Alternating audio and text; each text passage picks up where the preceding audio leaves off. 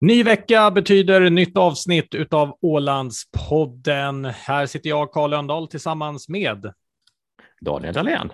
Mm. Och för er som inte har märkt det då ännu så sänder vi numera på tisdagar klockan eh, sju. Och det är därför att vi ser det lite som, det är väl inte en, en ny vision egentligen, men, men vi har uppdaterat vår vision lite, Daniel. Mm. Det är den här poddens uppgift eh, ska svara på frågan, vad händer på Åland just nu och vad tänker ålänningarna på just nu? Mm. Nej, men visst är det så. Och det blir ju så snävt tids eller rum liksom när vi har bara helgen. Nu har vi lite mer att, resonera kring hela veckan som kommer och veckan som gick på något sätt. Ja, eller som jag ser det, att eh, de, eh, de andra eh, poddarna får se oss som den generösa storebror, helt enkelt. Ja, eftersom, som delar med sig. Ja. Ja, nej, jag tänker så här att eftersom Ålands Handel, Ledarpodden och Ålandspodden utkom på samma dag, eh, vilket mm. är helt ironiskt. Alla tre åländska poddar kommer ut på samma dag eh, och slåss då om, om helgsiffrorna, där vi vann. Eh, men vi har generöst valt att, eh, att flytta på oss eh, så mm. att ålänningarna också kan få lite bättre täckning eh, hela veckan. Så vad är det jag försöker säga med det här? Bra gjort, vi själva. Okej, okay, nu ska vi... Grattis oss. Grattis oss, ja. Det, det är inte dåligt.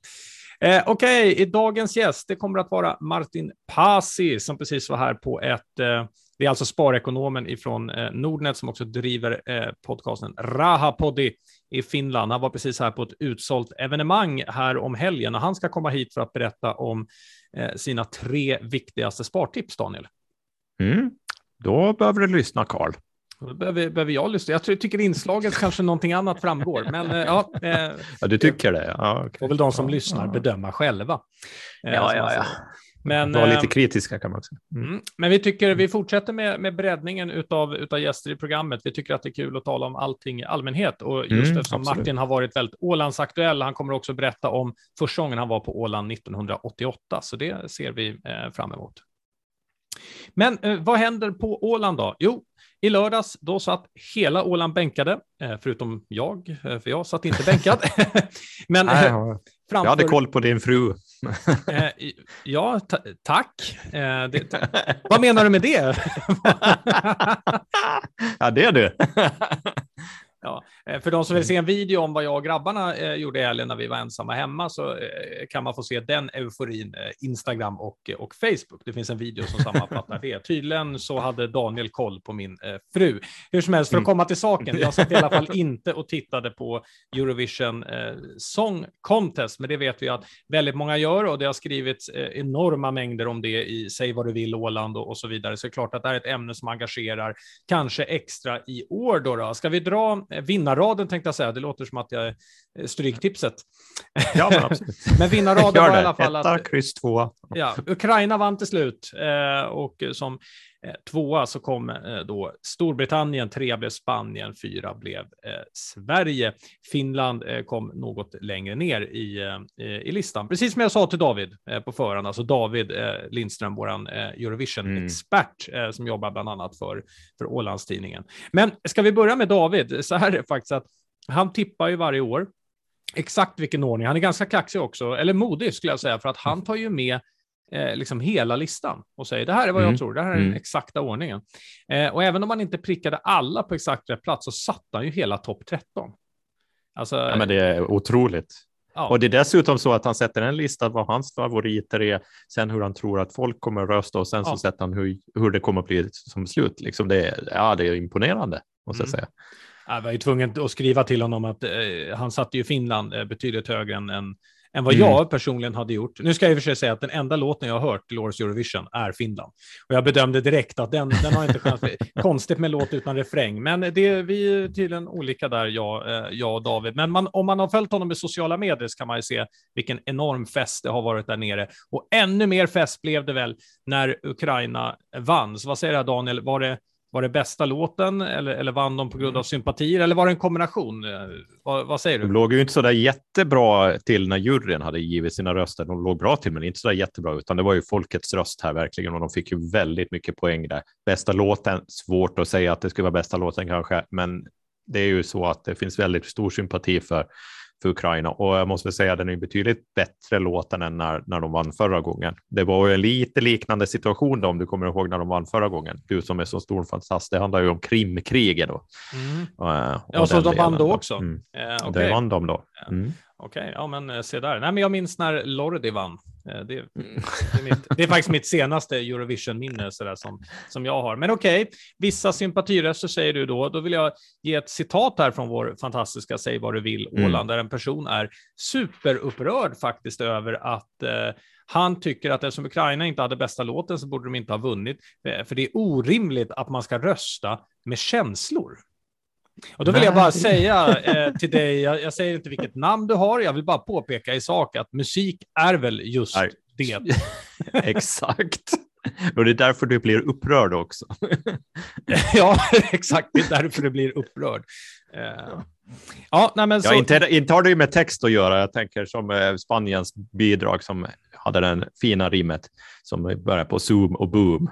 Fick de det, sådana här saker. Eller texten från norska, eh, eller norska låten där. Give that wolf a banana. Give that wolf a banana. Var, ja, var kom, var kom den låten? Eh, var landade den? Den landar på en hedersfull, eh, jag tror det är topp 10. Okay. Ja. Ja, men nu har ni lärt er i alla fall Åland, rösta inte vad ni än gör med känslorna. Eh, och det intressanta blir då, vilken fakta ska man gå då på? Är det kläder eller vad? Ja, ja jag vet inte. Ja, ja vi, vi, lämnar det tror jag. Mm. Okej, okay, det är dags att vi går vidare. Här kommer en liten musiksnutt.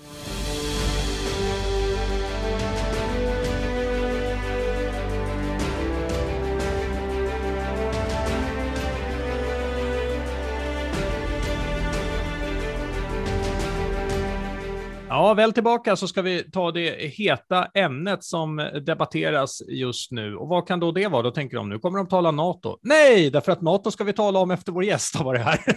jo, så vi har inte tid med det nu. Nej. nej. Eh, det som debatteras på insändarsidor just nu, det är eh, energifrågan, eh, miljöfrågan, framför allt kopplat till kärnkraftverk och till vindkraftverk. Eh, en nästan en polariserande effekt. Måste man välja antingen eller, Daniel, om man läser insändarna korrekt? Ja, uppenbarligen så har det blivit så, någon sån diskussion. Nu har ju den här pågått i veckotals, den här debatten mm. äh, av några stycken där och det blir väldigt spännande, just som du säger, att vindenergi skulle utesluta kärnkraft och det andra. Ja, den mer rimliga tolkningen är ju att vi kommer behöva alla former av energisorter för att klara det här framledes, varav kärnkraft är en ganska tung och bärande del för att få stabilitet i systemet. Så det är jättespännande den här debatten, varför varför man är så emot vindenergi och för kärnkraft och inte kan se båda delar behövs. Nej, tydligen ska vi inte ha en spridd energipolitik. Vi ska bara ha en som utför en enstaka sak. Så vad säger du då? Skulle du vilja ha ett eh, kärnkraftverk här ute på någon av öarna? Alltså det där är ju jättespännande, för det finns ju faktiskt ny teknik nu som gör att man kan ha kärnkraftverk även på, på Åland, alltså minikärnkraftverk. Ja, mm. Varför inte? Då skulle vi vara i hamn med det. Va? Fågelberget är ju inte så där himla välbebyggt exempelvis. Nej, alltså vi har lite parkområden där som man skulle kunna nyttja för ett kärnkraftverk. Instämmer. Okej, okay. så länge du driver det, jag säga. Så länge jag tror inte jag ska driva det, faktiskt helt ärligt. Generaldirektör, oh vad du kommer sova dåligt om nätterna och kolla, tittade vi den där sista kontrollen. Nej. tal om det så är det lite kul, för mm. det har ju också debatterats nu ett tag om det här med placeringen av, av vindkraftverk. Det är en rad politiker nu mm. som har åkt dit faktiskt senaste tiden på att de eh, röstar ja för utbyggnaden av, eh, av vindkraftverk, men röstar nej i frågan om, nej men den ska inte ligga här på min ort.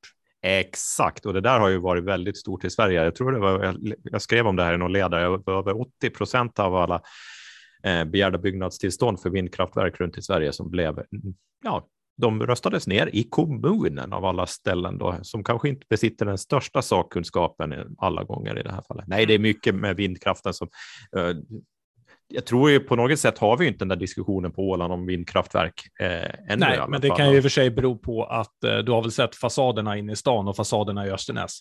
Så att då ett vindkraftverk lyser ju upp himlen på ett ganska trevligt sätt. Så jag tror alltid beroende på vad man jämför med. Så Ja, ärligt talat så ser jag Långnabba och de vindkraftverken hemifrån mig och jag tycker det ser fint ut. Det ser ja, men, futuristiskt och bra ut. Ja, men jag tycker också att det ser coolt ut och det är mm. häftigt också när man är ute och åker vattnet så här så man kan ju se liksom ett rätt antal, många distans eh, framåt, mm. men i och med lutningen och allting så ser man ju inte. Det ser ut som att stå rakt i vattnet. Eh, det är en ganska mm. häftig eh, upplevelse faktiskt. Eh, jag ber om ursäkt till er stackare som har hamnat i Östernäs med de här eh, fasaderna. Det är inte ert fel. Eh, det där ska vi förbättra. Jaha, ja, du ska lysa upp dem med vindkraftverk. ja, jag ska sätta ett vindkraftverk rakt i Östernäs. I mitten av allt det, då kommer ni känna att ni bor jättemodernt och jättefint. Mm. Så oroa inte över det. Okej, okay, så det är kärnkraftverksfrågan. Nu Daniel, så tänker jag att, eh, eller kärnkraftverksfrågan, energifrågan ska vi säga, som mm. debatteras eh, i både sociala medier och på insändarsidor just nu. Nu ska vi gå vidare och eh, hälsa på dagens gäst. Han heter Martin Pasi. Han kommer här.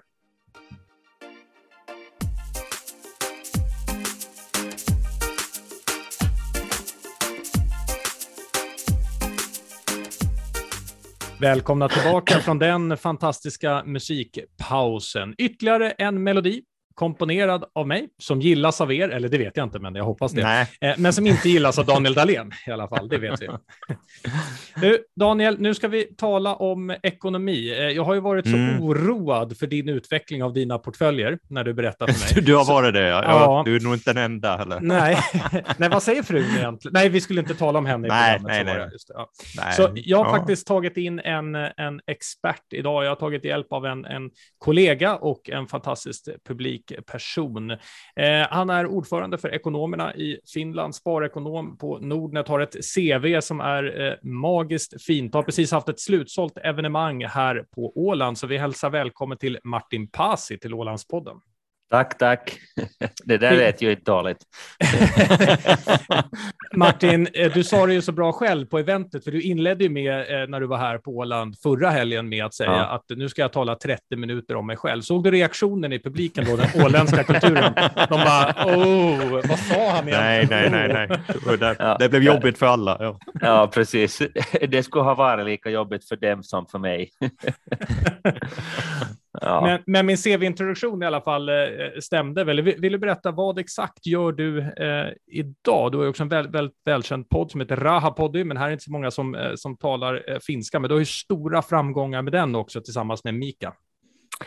Det stämmer, ja. Alltså det, vi, vi, fick, eh, vi började med, med tanken att göra tio avsnitt någon gång för ett antal år sedan. Jag kommer inte ihåg hur länge och det där. Nu har vi snart 300 eh, avsnitt eh, avklarade eller ja, och, och, och det där är ungefär en eh, 450 000 lyssningar i månaden. Eh, så att eh, och vi får väldigt bra feedback faktiskt. Alltså helt liksom allt mellan himmel och jord, men också, också sån här, sån här liksom ganska rörande feedback där, man, där, man, där, där det görs klart att det har liksom haft en påverkan på människors liv uh, i en positiv bemärkelse och det är ju, det är ju liksom, det är ju aldrig dåligt, ska vi säga så, eller åtminstone för mig så det är något som jag värdesätter extremt högt. Mm. Att, att, att det där, uh, både fattiga som rika som, som, som konstaterar att de har haft hjälp av att uh, lyssna på det där och fått inspiration och sen tagit tag i sin ekonomi och, och, och det där och, och känner sig bättre till mods och mindre stressade och allt det där som en följd. Och det går ju nästan inte en dag i media utan att man eh, läser om dig, eh, Martin, i både eh, finsktalande media, svensktalande media. Är det det man gör eh, som sparekonom på vårt kära Nordnet? Du talar med, med media hela dagarna. Det är det som är tanken eh, och, och, och, det där och dock kunde det liksom, om man tittar på mina kära kollegor i Sverige, framförallt i Danmark, så, så kunde jag nog vara ännu mera framme. Så att om det nu är någon reporter av något slag som lyssnar här så liksom eh, eh, och det ödmjukaste, Kim call. liksom. jag, jag ligger långt efter i statistiken. men, men sen andra sidan så har jag den här eh, pod, eh, Rahapoddy så att det där det torde kompensera en, en, åtminstone en liten bit. Per, precis. Per Hansen heter han, ja, nere i Danmark. Ja, det var ett litet internskämt som vi körde här. Jag körde ett ja. hjärta Per Hansen. Ja. Det stämmer.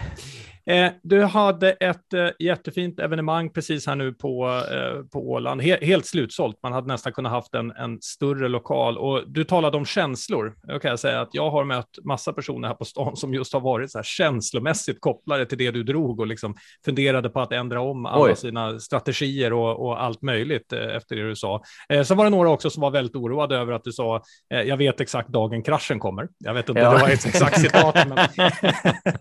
Nej, men det, det funkar ju lite så där som att, att eh, folk blir alltid lite, lite försiktigare när man, man går ut med att säga att det är den 17 september, så då smäller det. Ni kan ställa klockan efter det, men att liksom men, men skämt åsido så, så, så det kan hända mycket bra att vi fortsätter att gå upp. Vi gör en U-sväng här så som vi gjorde med, med, med vad heter det, då när corona gjorde inte intåg och, och, och, det där och så kör vi så det ryker i fem år till liksom. Men eh, det finns kanske en, en liten skillnad eh, till nuläget i förhållande till vad som var gällande då när coronan kom in.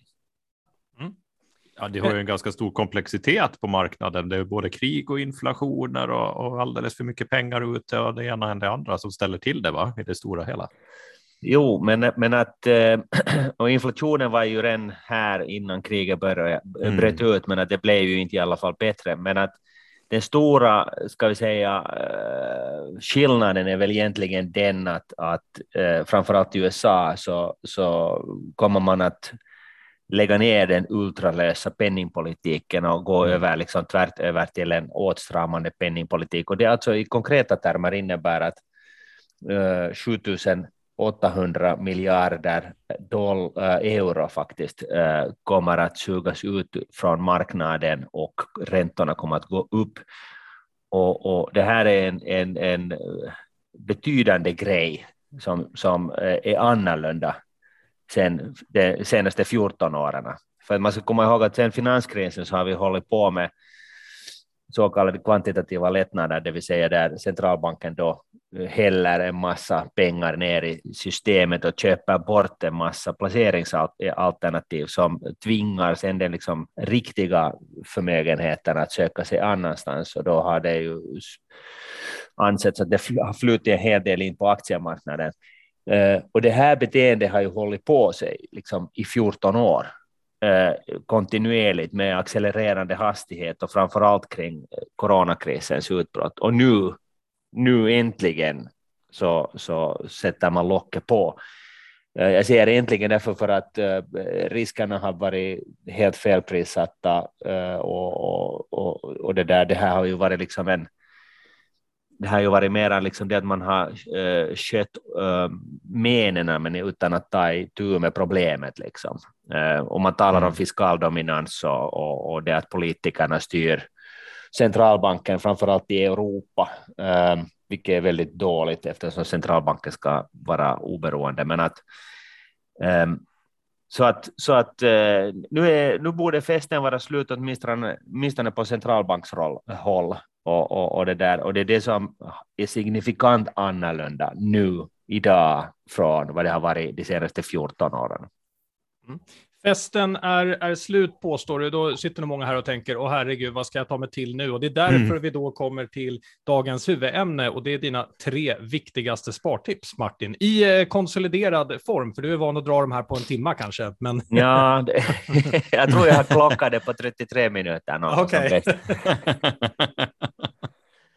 Nej, men alltså, eh, och, och, det här gäller ju fortfarande, och det gäller också i detta marknadsläge. Eh, börsen går upp, börsen går ner, och, och, och det är egentligen så är det så här allvarligt talat så ska man inte försöka tajma det där, utan man ska bara hålla på med ett konsekvent beteende, och, och, och för att saken är den att ingen vet, ingen vet i finansbranschen.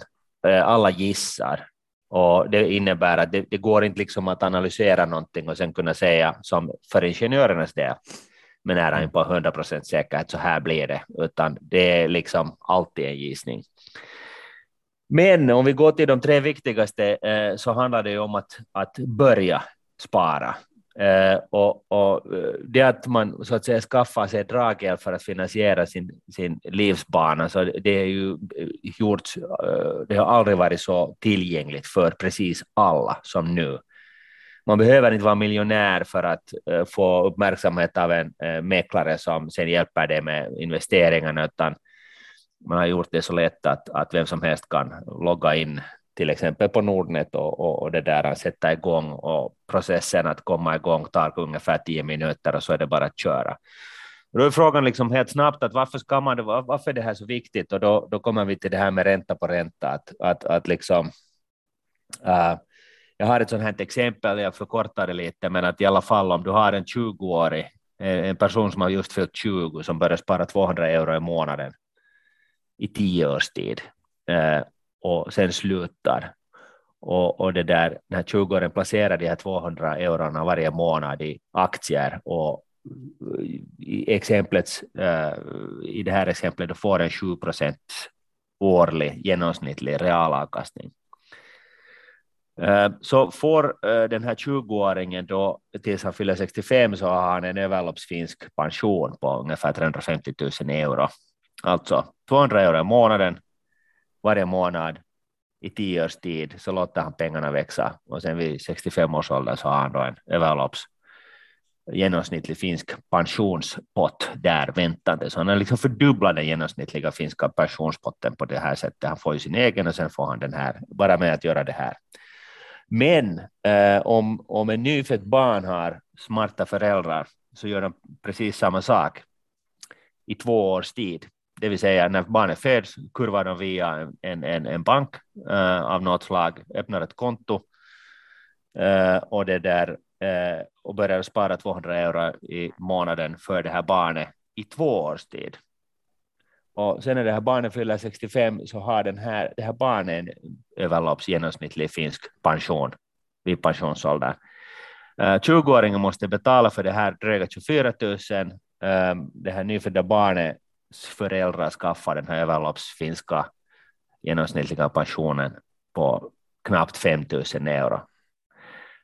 Och, och, det är den här liksom, poletten kommer ju inte att sjunka in om du hör det här första gången nu här, men liksom, det är den här när liksom man, som, som jag som har studerat finansmatematik eh, och ekonometri och det ena det femte, nu förstod jag det här, men att, liksom att man får den här saken att sjunka in och, och, och inser att det här är också någonting vi ska uppfostra våra barn till, att liksom man tvättar tänderna på morgonen för att, för att inte få hål på morgonen och på kvällen, och, på, och det är ju inte liksom nödvändigtvis roligt, men det är nu bara någonting man gör. Och det sen så försöker man låta bli att konsumera alla pengar nu, utan sätta lite alltid åt sidan och investera i aktiemarknaden på ett kostnadseffektivt sätt. Så där, det var den första bulleten. Den andra bulleten är den att kostnaderna äter avkastning. Och här är det, ju det, det, det, roliga eller konstiga i det att i allt annat som mänskligheten håller på med så brukar det alltid vara så att betalar du mera utan att egentligen förstå vad du köper så får du vanligtvis alltid bättre. Så att om du går till en bilaffär, äh, bränner iväg med säg då 50 000 äh, versus 10 000 så även om du inte förstår någonting om bilar så får du en bättre bil. Går du till en dyrare jurist får du bättre råd och går du till en dyrare reklambyrå så får du bättre, bättre vad heter det, reklam eh, med större genomslagskraft. Det här gäller inte finansmarknaden eh, eller placeringar. Det är tyvärr inte så enkelt, utan här är det, gäller egentligen det motsatta, det är det att kostnaderna äter upp din avkastning. Och man förstår det här kanske lätt på det sättet att, att om du i genomsnitt under de senaste 210 åren har man fått i USA så har man fått ungefär 7 procents genomsnittlig årlig realavkastning. Eh, tar du bort 2 procent från den här genomsnittliga 7 procents årliga avkastningen så betyder det inte att din avkastningsäng i de här exemplen som jag hade här innan så att det, det liksom äter upp en, en, en femtedel eller en fjärdedel av, av dina, din pott, utan det blir mycket mer. Tar vi till exempel den här 20-åringen som sparar 200 euro i månaden i tio års tid och sen lät pengarna vara och fick en eh, genomsnittlig årlig avkastning på 7 procent, så har han då kostnader som till exempel för en vanlig Finlandfond som har vanligtvis 1,5 procents årlig förvaltningsarvode plus att den, där förvalt, den här Finlandfonden säkert träder fram och tillbaka aktier dag ut och dag in. Så de här realistiska 2 procents årliga kostnaderna äter upp hälften av den de pengar som den här 20-åringen eh, i annat fall skulle få när han fyller 65. Hälften. 2 procents årliga kostnader äter upp hälften av den avkastning som du får på lång sikt. Och sen det sista, eh, så det är det att man alltid funderar periodvis också nu, vad ska jag då spara? Om jag sysslar med så här långtidssparande, uh, det vill säga i varje månad pytsar undan 15 euro eller lite mer uh, i, i aktier, eller liksom överlag, om jag sätter det här undan från min lön eller vad det nu kan vara. Att vad ska du spara i? Och, och då hade eh, Jeremy Siegel, en amerikansk professor, då räknat ut um, aktier, alltså avkastningen för aktier, räntor, guld, kontanter för en period på 210 år. Och då frågar någon att varför är en så här himla lång period? Och då är svaret jo, därför att under till den perioden, alltså från 1802 tills idag, så har det hänt allt möjligt fasansfullt och hemskt som några världskrig, eh, svarta måndagar Eh, med mera och allt möjligt fantastiskt och banbrytande som till exempel upptäckten av en flygmaskin, flygmaskin Uh, vad heter det, uh, strumpbyxor, Tupperware, vad heter det, transistorn, uh, internet och så vidare. Och, och det där, och särskilt nu när vi ändå står inför en sån här äh, mänsklighetens potentiella stor kris så, så äh, gäller, är det säkert många som frågar sig, okay, vad ska jag då göra liksom nu? Och det, där, och det här standardsvaret är nog det att om du vill nu talar om så här långsiktig, flera tioårs, äh, eh, vad heter det, tiotals års långsiktigt sparande som, äh, där man då månadligen pytsar undan lite pengar åt sidan. Så då är nog svaret det att, att det är nog aktier du ska spara i och då kan du göra det direkt eller ännu effektivare uh, genom kostnadseffektiva indexfonder eller ETFer. Och, det där, och, och då är logiken den att om, om du börjar idag och sen imorgon så halveras kursen så betyder det att du får imorgon så får du sen två gånger mera av, det, av varan som du har bestämt att skaffa för dina månatliga pengar. Och det går upp och ner och, och, så länge du är konsekvent och håller på med det här så kan det inte bli fel. Så att genom att du börjar, att du börjar nu för att tid är pengar, det faktiskt är så. Eh, du minimerar dina kostnader så att du tar åt dig själv all den avkastningen som aktiemarknaden avkastar. Och tre, att du konsekvent äh, pytsar dina pengar i aktiemarknaden, äh, så kan det inte bli fel. Det, det är liksom praktiskt taget omöjligt. Äh, och, och det är väl det här, de tre viktigaste råden. Sen när någon börjar fråga mer exakt att okej, okay, vad ska vi, ska jag placera i den indexfonden eller den där indexfonden, så, så, så då är vi ju, det, det är liksom, du är 95 procent i mål bara med att koncentrera, komma ihåg de här tre. Sen är det liksom details egentligen, det där att vart du sen sparar. Men att det där, om du inte vill alls fundera på det där så tänk i termer av en global indexfond som har möjligast lågt arvode som placerar överallt på jorden. De tenderar att vara USA-tunga, men att det där eh, på grund av att den amerikanska börsens marknadsvärde är så stort. Men det har nu i och för sig inte varit en dålig sak de senaste 210 åren heller, så att det där kanske det kan då vara en bra sak de kommande 210 åren. Jättetack för de här tre tipsen och tack för sammanfattningen också, för jag hade skrivit en, en sammanfattning om de här. Nu undrar jag Daniel, ja, jag med, vilken av de här tre, uppfyller du någon av de här tre, eller hur? Ja, faktiskt så. Eh, ja, faktiskt. Jag tänker inte avslöja mer, men jag uppfyller nog de tre. Jag gör det. Det, Men det är, klart, alltså det, det, är ju roligt det här med att vara konsekvent, för man, alltså med, man är ju bara människa och just när med den volatiliteten som är på börsen så man, man grips ju alla greps ju med, med funderingar så fort den går ner. Eh, samtidigt har man alltid svårt att se det historiska perspektivet, att de har faktiskt ofta har den här, även om det är en ganska markant nedgång, så ligger den ju oftast på en högre nivå än vad man kanske har köpt dem på en gång i tiderna. Att eh, man, eh, det är så mycket psykologi i slutändan när det kommer till sparande och ekonomi. Så är det, och, och, och det, det, är liksom väldigt mänskligt att, att börja när kurserna kommer ner en femtedel eller en tredjedel, så det är väldigt mänskligt att börja fundera på att just då att borde man börja sälja, men liksom, eh, är, man, är man så sent ute så då ska man nog nästan rida ut stormen, eh, för att det där risken, den största risken som du, du, du uh, utsätts för det är att du du så att säga säljer sen när, du är på, när det är på botten och allting svänger och du blir mm. liksom så att säga, uh, du faller av kälken när det så att säga börjar dra igen. Um, mm.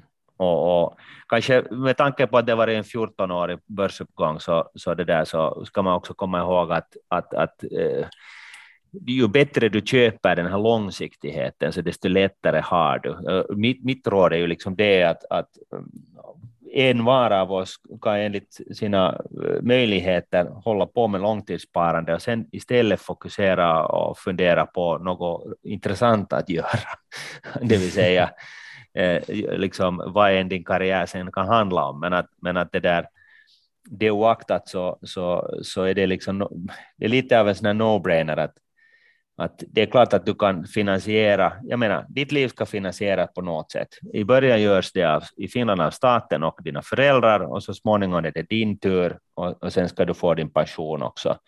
Och då kan du välja att du, för då när du ska eh, eh, finansiera ditt eget liv, att du gör det endast från löneinkomster eller så gör du livet lite lättare för dig och, och, det där, och, och syssla med sånt här långtidsmånadssparande eh, då du som sagt med ganska små medel kan, kan fördubbla din, din pension. Eh, och ännu kanske som en sista kläm här på slutet eh, av min monolog så, så, det där, så, så är det ju det att det, det, handlar ju inte om det att du ska ha liksom flashig bil på, på parkeringen och göra dina grannar avundsjuka eller att alla ska bli miljonärer för att kunna konsumera möjligast mycket, utan det handlar om det att du ska skaffa dig själv eh, valmöjligheter under din livsbana. För att det, det tenderar att vara så att är du med kniven på halsen ekonomiskt genom hela ditt liv så har du ganska få val. Du måste så att säga stå ut med den där idiotchefen eller du måste ta det där jobbet som du egentligen inte vill och, och, och, och så här har du lite någonting sånt här på gång på sidan om så, så det är ju klart att även om du är långsiktig, så, långsiktig sparare från botten så, så är det, ger det ju också en trygghet och ger också möjligheter att kunna välja. Och det skulle jag säga att det kanske ändå det viktigaste tillgången som en sån här sånt långsiktigt sparande ger dig. Mm. Så kalla det fuck you money, brukar man kalla det. Tack Daniel. Och med, tack ja, där var den summeringen. var vi ja, Jag har också lärt mig att vi, eh, att vi tydligen ska se ner på de som har såna här sportiga bilar utanför Maxinge, Daniel. Och det kan väl du göra med tanke på vilka bilar du kör. Eh, då ska vi se. Hörrni, mina herrar. Ja, jag eh, kör ju bil i alla fall. Ja, ja, ja. Du, ja. Kom hit och låna Ninebot istället. Det är mycket bättre för det. Bättre för miljön också. Ja. Mina herrar, nu sätter vi punkt för det. Martin vill tacka dig så jättemycket för att du var med och det var ett litet rykte, eller det är inte ett rykte, det berättade du för mig att eh, du gillar Åland också. Jag vet att du har eh, semestrat här med familjen. De var med senast på eventet också, va? De ja, på Åland. ja, det stämmer. Det stämmer. Ja, det, det stämmer. Uh, 1988 så var jag deltog i tallshipsrace, det första tallshipsracet som kom till Åland.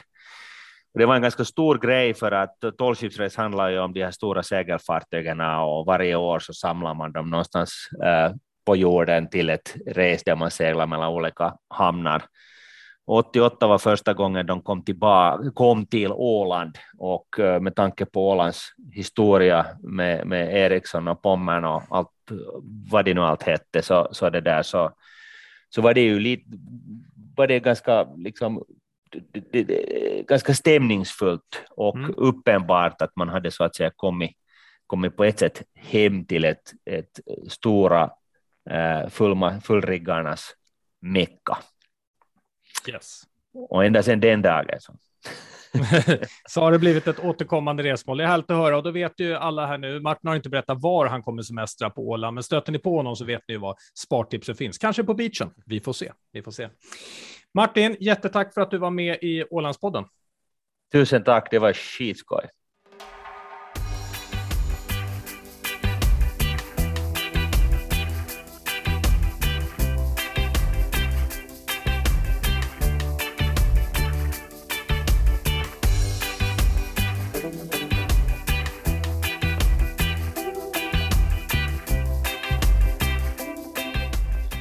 Ja, Martin Passi var här och delade med sig av eh, spartips. Eh, han eh, såg just nu en, en annorlunda ekonomi framöver. Vi ska inte gå in i så mycket detalj i det, bara för att klargöra den saken så jobbar ju jag och Martin Passi för samma arbetsgivare och givet reglerna där så mm. uttalar inte jag mig i ekonomiska frågor överhuvudtaget. Men det får ju Martin göra såklart. Min roll var som intervjuare här, bara för att göra det tydligt.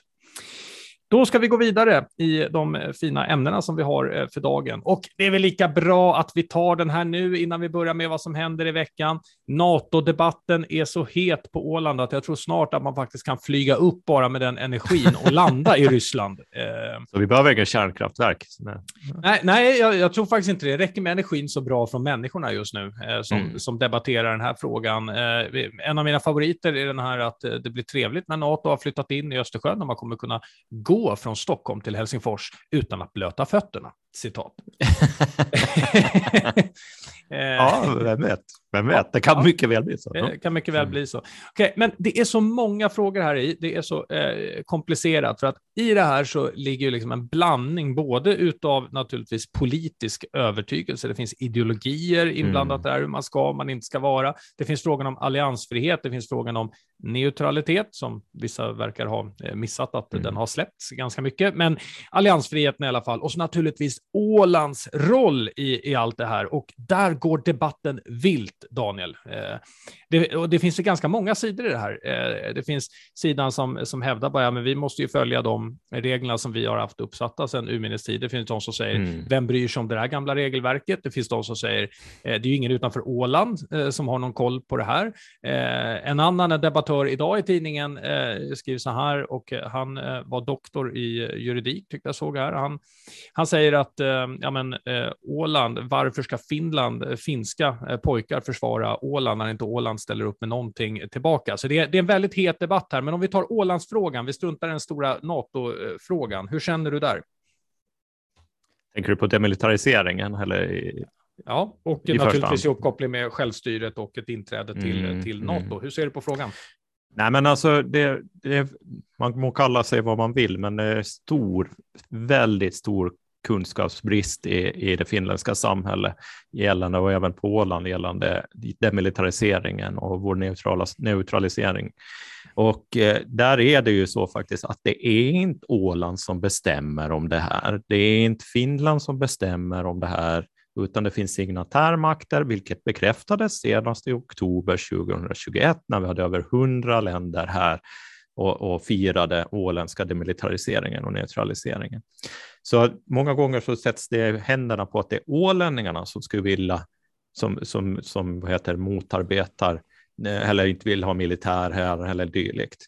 Och, och det tror jag att så är det nog bland de största, till största delen av ålänningarna, för eftersom självstyrelsen och demilitariseringen ligger så nära i hand och vi har fått redan från barnsben veta att vi är fredens öar och det, det ligger nära såklart. Men det är inte upp till Åland att bestämma överhuvudtaget. Vi ska komma ihåg att demilitariseringen är ju någonting som togs över huvudena på Åland och som dessutom togs av Finlands regering 1922 när man tog till sig eh, självstyrelsen, eller la fram förslag av självstyrelsen. Och då la man också fram att man skulle fortsätta upprätthålla demilitarisering. Och sen är det ju jättekomplext, för sen kommer fredsavtalet med Sovjetunionen in 47 och Rysslands möjlighet att övervaka, övervaka det här och det stärktes igen 1992. Så det finns många komplexiteter här så att eh, ja, det, skulle, det är väldigt mycket åsikter om det ena än det andra och tyvärr även av personer som ska kunna mera än, än om de här sakerna så missar ganska grovt i sina grova generaliseringar. Tack historieprofessorn. Jag ser fram emot mm. boken med Peter Englund. Jajamän. Eh, tack för inlägget till det här underhållande mm. programmet. Men om vi säger så här då, jag menar fredsavdrag och sånt, mm. det är ju inte första gången som det, det skulle brytas. Vi har ju exempel eh, som har varit eh, bra och vi har ju sådana som har gått lite sämre, som när mm. Danmark mm. exempelvis skulle återinta Holstein och Schleswig, eller integrera det till, till samhället, mm. som gick sist så där kan vi ju säga. Men, men, men oavsett åsikter får man, ju, får man ju ändå ha. Det finns de som hävdar här är ju också i debatten att jo, men strunt samma vad som har skrivits i tidigare. Det här bör vara en suveränitet under, under Finland att bestämma över och det är ju någonting man bara kan göra också om man vill, oavsett fredsfördrag eller inte. Men det jag undrar är, vad är din mm. åsikt? Alltså vad tycker du? Nej, men jag tycker att man ska hålla det väldigt lugnt nu, i synnerhet under den här NATO-processen, för man behöver inte ge Ryssland en endaste ytterligare anledning till att fundera över de här, om demilitariseringen i anslutning med NATO. Det är saker som kan späda på konflikt och oro än mera. Utan vi har de avtal vi har och upprätthåll dem så länge som möjligt. Okay. Där fick du klart och tydligt. Han, han, han och du tycker annat. Alltså, eh, alltså återigen, vi måste ju börja med att, mm. klarställa mm. den, att så här, säga, ja, men man, är, man är obegåvad i Finland, men det är man nog i resten av världen också. Det är ju ingen som har en mm. aning om att Åland är demilitariserat. Eh, liksom, och, och många ställer sig frågorna till varför då? Eh, såklart, varför mm. har det blivit så? Då får man en mm. liten historielektion och sen så svarar de flesta, vem bryr sig? Ungefär så. eh, nej, men, så här, en annan åsikt i, i frågan. Jag, jag konstaterar mm. bara att vi däremot har fått konkurrenter till, eh, till din och min affärsidé och det irriterar mig lite faktiskt. Eh, och det är ju när, när vi ska sätta upp NATO-baserna här, att du och jag ska äga marken runt omkring. Ja, och ja, de här ja, kantinerna, shoppingcentret mm, och, och, allt sånt mm. där. Det som livnär massa byar i, i Turkiet och i Baltikum och allt sånt där. Mm. Och nu ser jag att det är fler som har samma idé. Säger jag det här i eten nu? Det kommer ännu fler. Ja, ännu fler kommer att göra det här. Vi måste börja köpa upp mark, Daniel. Eh, det är helt klart så. Nej, men, men vad tycker jag? Jag tycker att det är viktigt att man, eh, att man står för sin sak. Där håller jag helt med, eh, helt med dig. Eh, sen så jag tycker det är viktigt att man, att man ser frågan om demetaliseringen av korrekta skäl. Det, det vill säga att se det utifrån det perspektivet du säger nu, det är okej. Okay. Jag tycker däremot inte att det, att det är lika okej okay från mig personligen, att man hoppas på att genom att sätta huvudet i, i sanden så kanske vår generation överlever utan ett krig eller en konflikt. Eh, det är liksom inte heller lösningen på problemet. Där tycker jag ändå att Finland och Sverige har gjort det bra nu, alltså att man eh, man går med, man, man tar tydlig ståndpunkt. Jag ser vissa som är jätterädda, eh, alltså där det inte handlar mm. om nej på Absolut. grund av, man är rädd att ja, men det kanske kommer en konflikt eller krig. Problemet är ju att när ska vi då stå upp mot de här personerna? Vilket samhälle kommer, kommer våra barn leva i om vi låter Ryssland plocka sex, sju nationer? Nej, men det är så. Det handlar det, om rätt och fel här. Det handlar om det demokratiskt. Handlar om det. det. handlar om värderingar. Ja. Och vi måste vara väldigt tydliga med det. Nu blir det jätteunderhållande här. Men jag tänker, vi vet ju vad som har hänt under historiens gång också, när ja. man inte väst har stått och den fria världen har stått upp för de fria värderingarna. Blev det bättre då?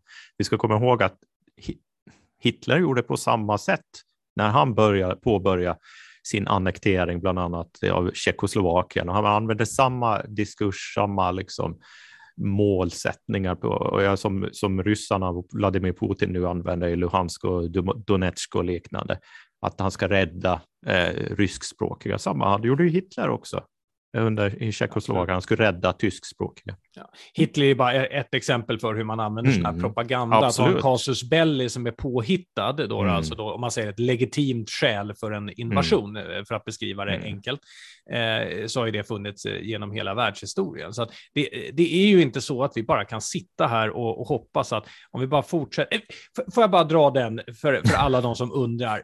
Alltså, seriöst, ni, ni, som tänker er att neutraliteten har räddat oss från massor av eh, konflikter och annat. Det är inte samma sak som att säga att världen blev räddad från konflikter. Det andra jag vill påpeka är att när man gick in i andra världskriget så var det väl var det tio stater som ställde sig neutrala. Mm. Ja, mm. Och, och kvar blev ju Schweiz och Sverige. Mm, mm, mm, alltså, Så det här handlar ju om geopolitiskt läge. Det, det, alltså, det har ingenting att göra med, ja, men eh, okej, okay, eh, Putin, men vi ställde oss ju neutrala. Jaha, förlåt, då backar vi ur och går runt er. Och så tar vi nästa land ja. som inte är neutrala. Det är ju inte så det fungerar. Välkomna till Nej. verkligheten. Eh, vart skulle jag komma med, med det här då? Jag, jag var bara tvungen att dra den kort, det var väl så jag, det var väl så jag sa. Men eh, landskapsregeringen bjöd ju in till en pressträff eh, Åland, mm. Åland och förhållande till, till NATO. Det var typ ingen som dök upp på den, sa du? Nej, det var väldigt få som dök upp, så jag tror att återigen, liksom, Åland, jo, det, alltså det debatteras den här frågan, men man, jag tror inte att någon vänder sig till att landskapsregeringen ska sköta det här, utan man tror nog att eh, det är Helsingfors och Stockholm som håller i trådarna och håller ordning på det här. Skönt, och så kan vi bara ha åsikter. I love jo. it. Okay. Nu går vi till, eh, till veckospaningen. Det här samtalet börjar bli långt.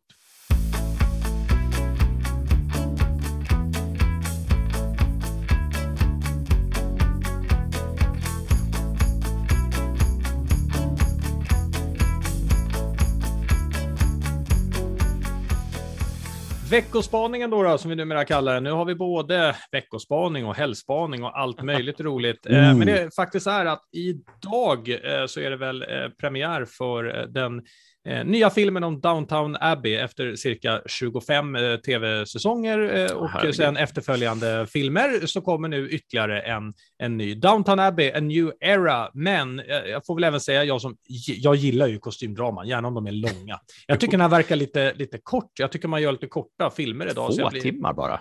Jag menar det. Alltså, och vad, hur hinner man en paus på, på två timmar? Nej.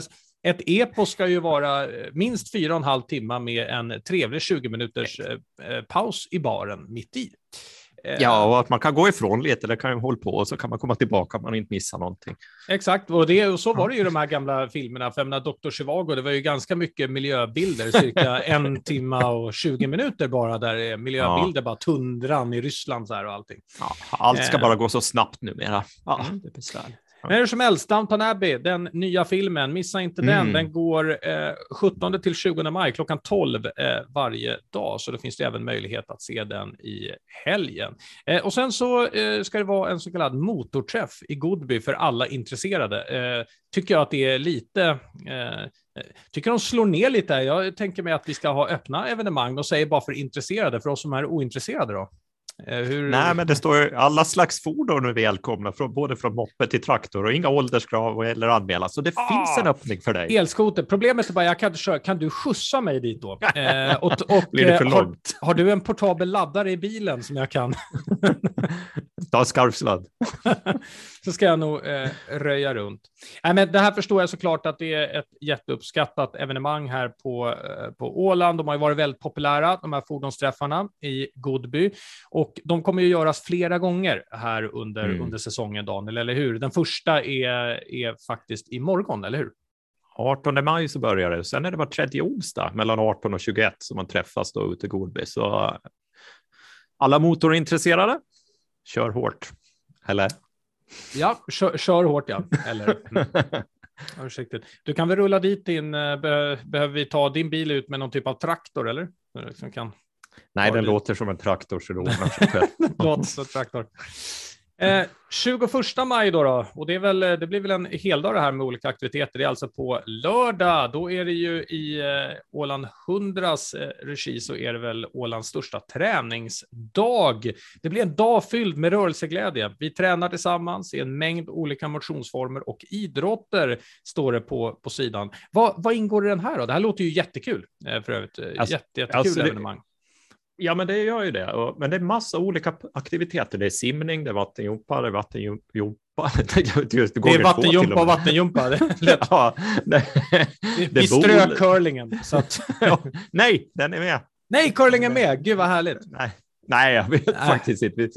Nej, friidrott, fotboll och boxersize och löpning och tai chi och, och, och orientering och uteträning och beachvolley och cirkelträning med gym. Och, ja, det, det är massor som pågår här, olika. Så man kan, jag tror de har 14 olika pass under den här dagen. Eh, och sen finns det ja, finns underpass också för den som är intresserad. Flera. Det kommer att bli säkert fullt med folk den 21 maj. Jag är ganska yeah. så säker på har jag också en känsla för. Och jag, bollen där känner jag, den, den skulle vi nog kunna... Alltså du och jag är ett bolag, det kan då bli...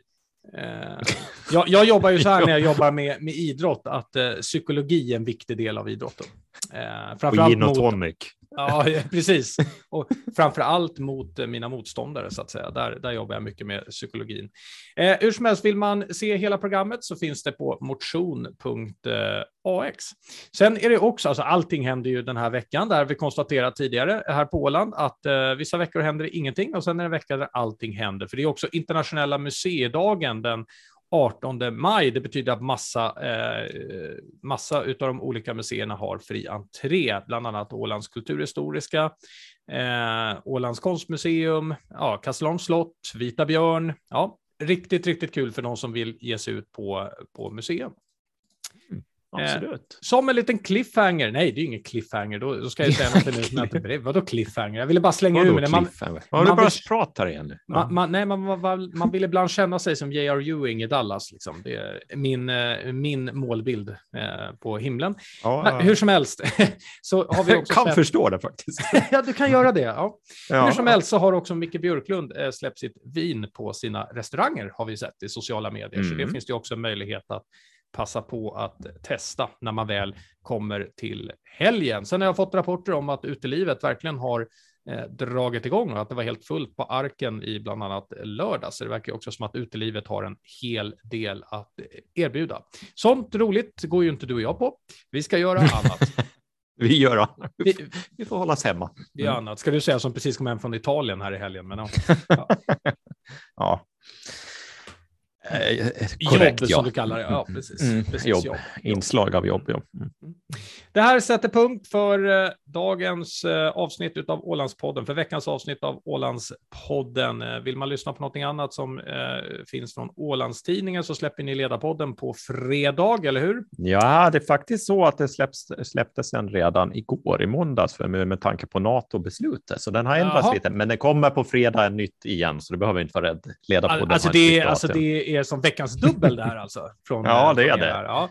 ja. men vad kul, gå in och lyssna på NATO-frågan om ni vill veta mer. Jag förstår att ni tycker att jag är ett allmänt orakel om, om NATO, så är det ju, men ni kan ju också få lyssna på de här grabbarna göra lite analyser på sidan. Eh, de här grabbarna, grabbarna, vi har professor emeritus Göran Djupsund med.